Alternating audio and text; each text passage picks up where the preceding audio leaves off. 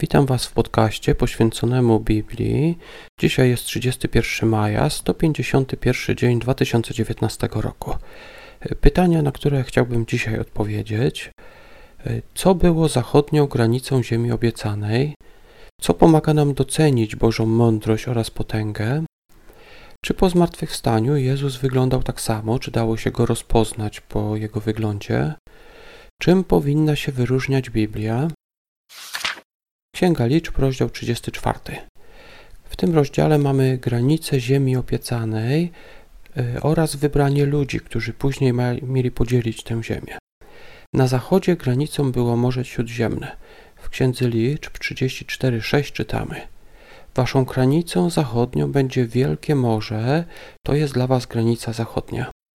E, później jednak te tereny, czyli granice czyli nadmorskie tereny, zostały opanowane przez Filistynów, ale o tym powiemy sobie później.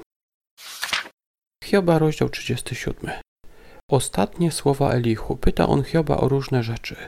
Na przykład Hioba 37:15. Czy wiesz, jak Bóg rozkazuje, jak świeci z chmur błyskawicą? Jest to pytanie retoryczne.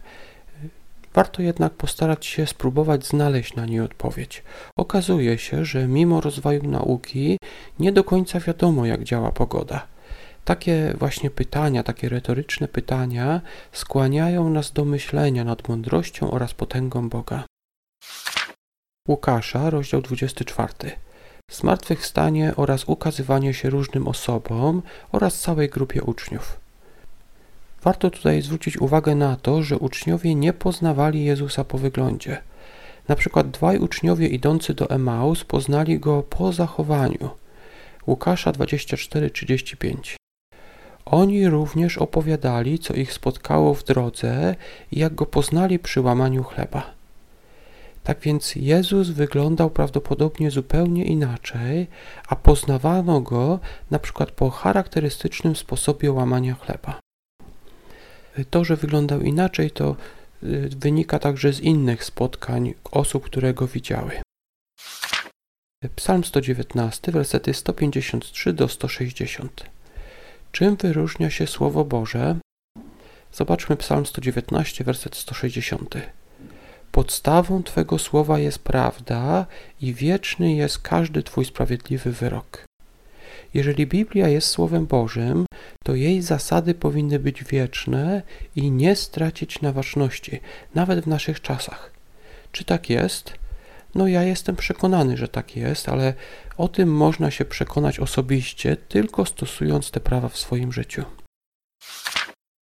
Księga Przysłów od 13 do 15. E, wszystkie te trzy wersety mówią o tym, co się podoba królowi, a co mu się nie podoba.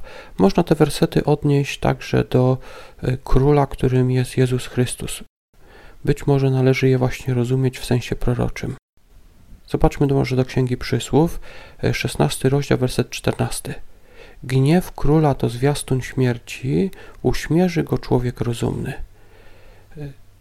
Jeżeli byśmy odnieśli te słowa do Jezusa, to ktoś może powiedzieć, że one nie pasują do niego, bo przecież Jezus e, był zawsze taką osobą, która wybaczała, przyjmowała wszystkich, nawet grzeszników. Warto jednak pamiętać o tym, że on, że jego przyszłe zadanie to będzie sądzenie. W księdze Apokalipsy, bodajże w XIX rozdziale, jest wizja Jezusa. Nie jest, tam nazw- nie jest tam powiedziane, że to jest Jezus, ale to jest prawdopodobnie Jezus jadącego na białym koniu i wykonującego wyrok na nieposłusznych ludziach. Tak więc myślę, że ten werset, czyli przysłów 16-14, gniew króla to zwiastun śmierci, uśmierzy go człowiek rozumny, można odnieść także do Jezusa. Na pewno będzie on wykonywał wyroki w przyszłości, a rozumni ludzie, czyli tacy, którzy y, są mądrzy, czyli stosują się do zasad Bożych, na pewno dobrze im się powiedzie. Na dzisiaj to wszystko. Dziękuję Wam za wysłuchanie. Do usłyszenia jutro.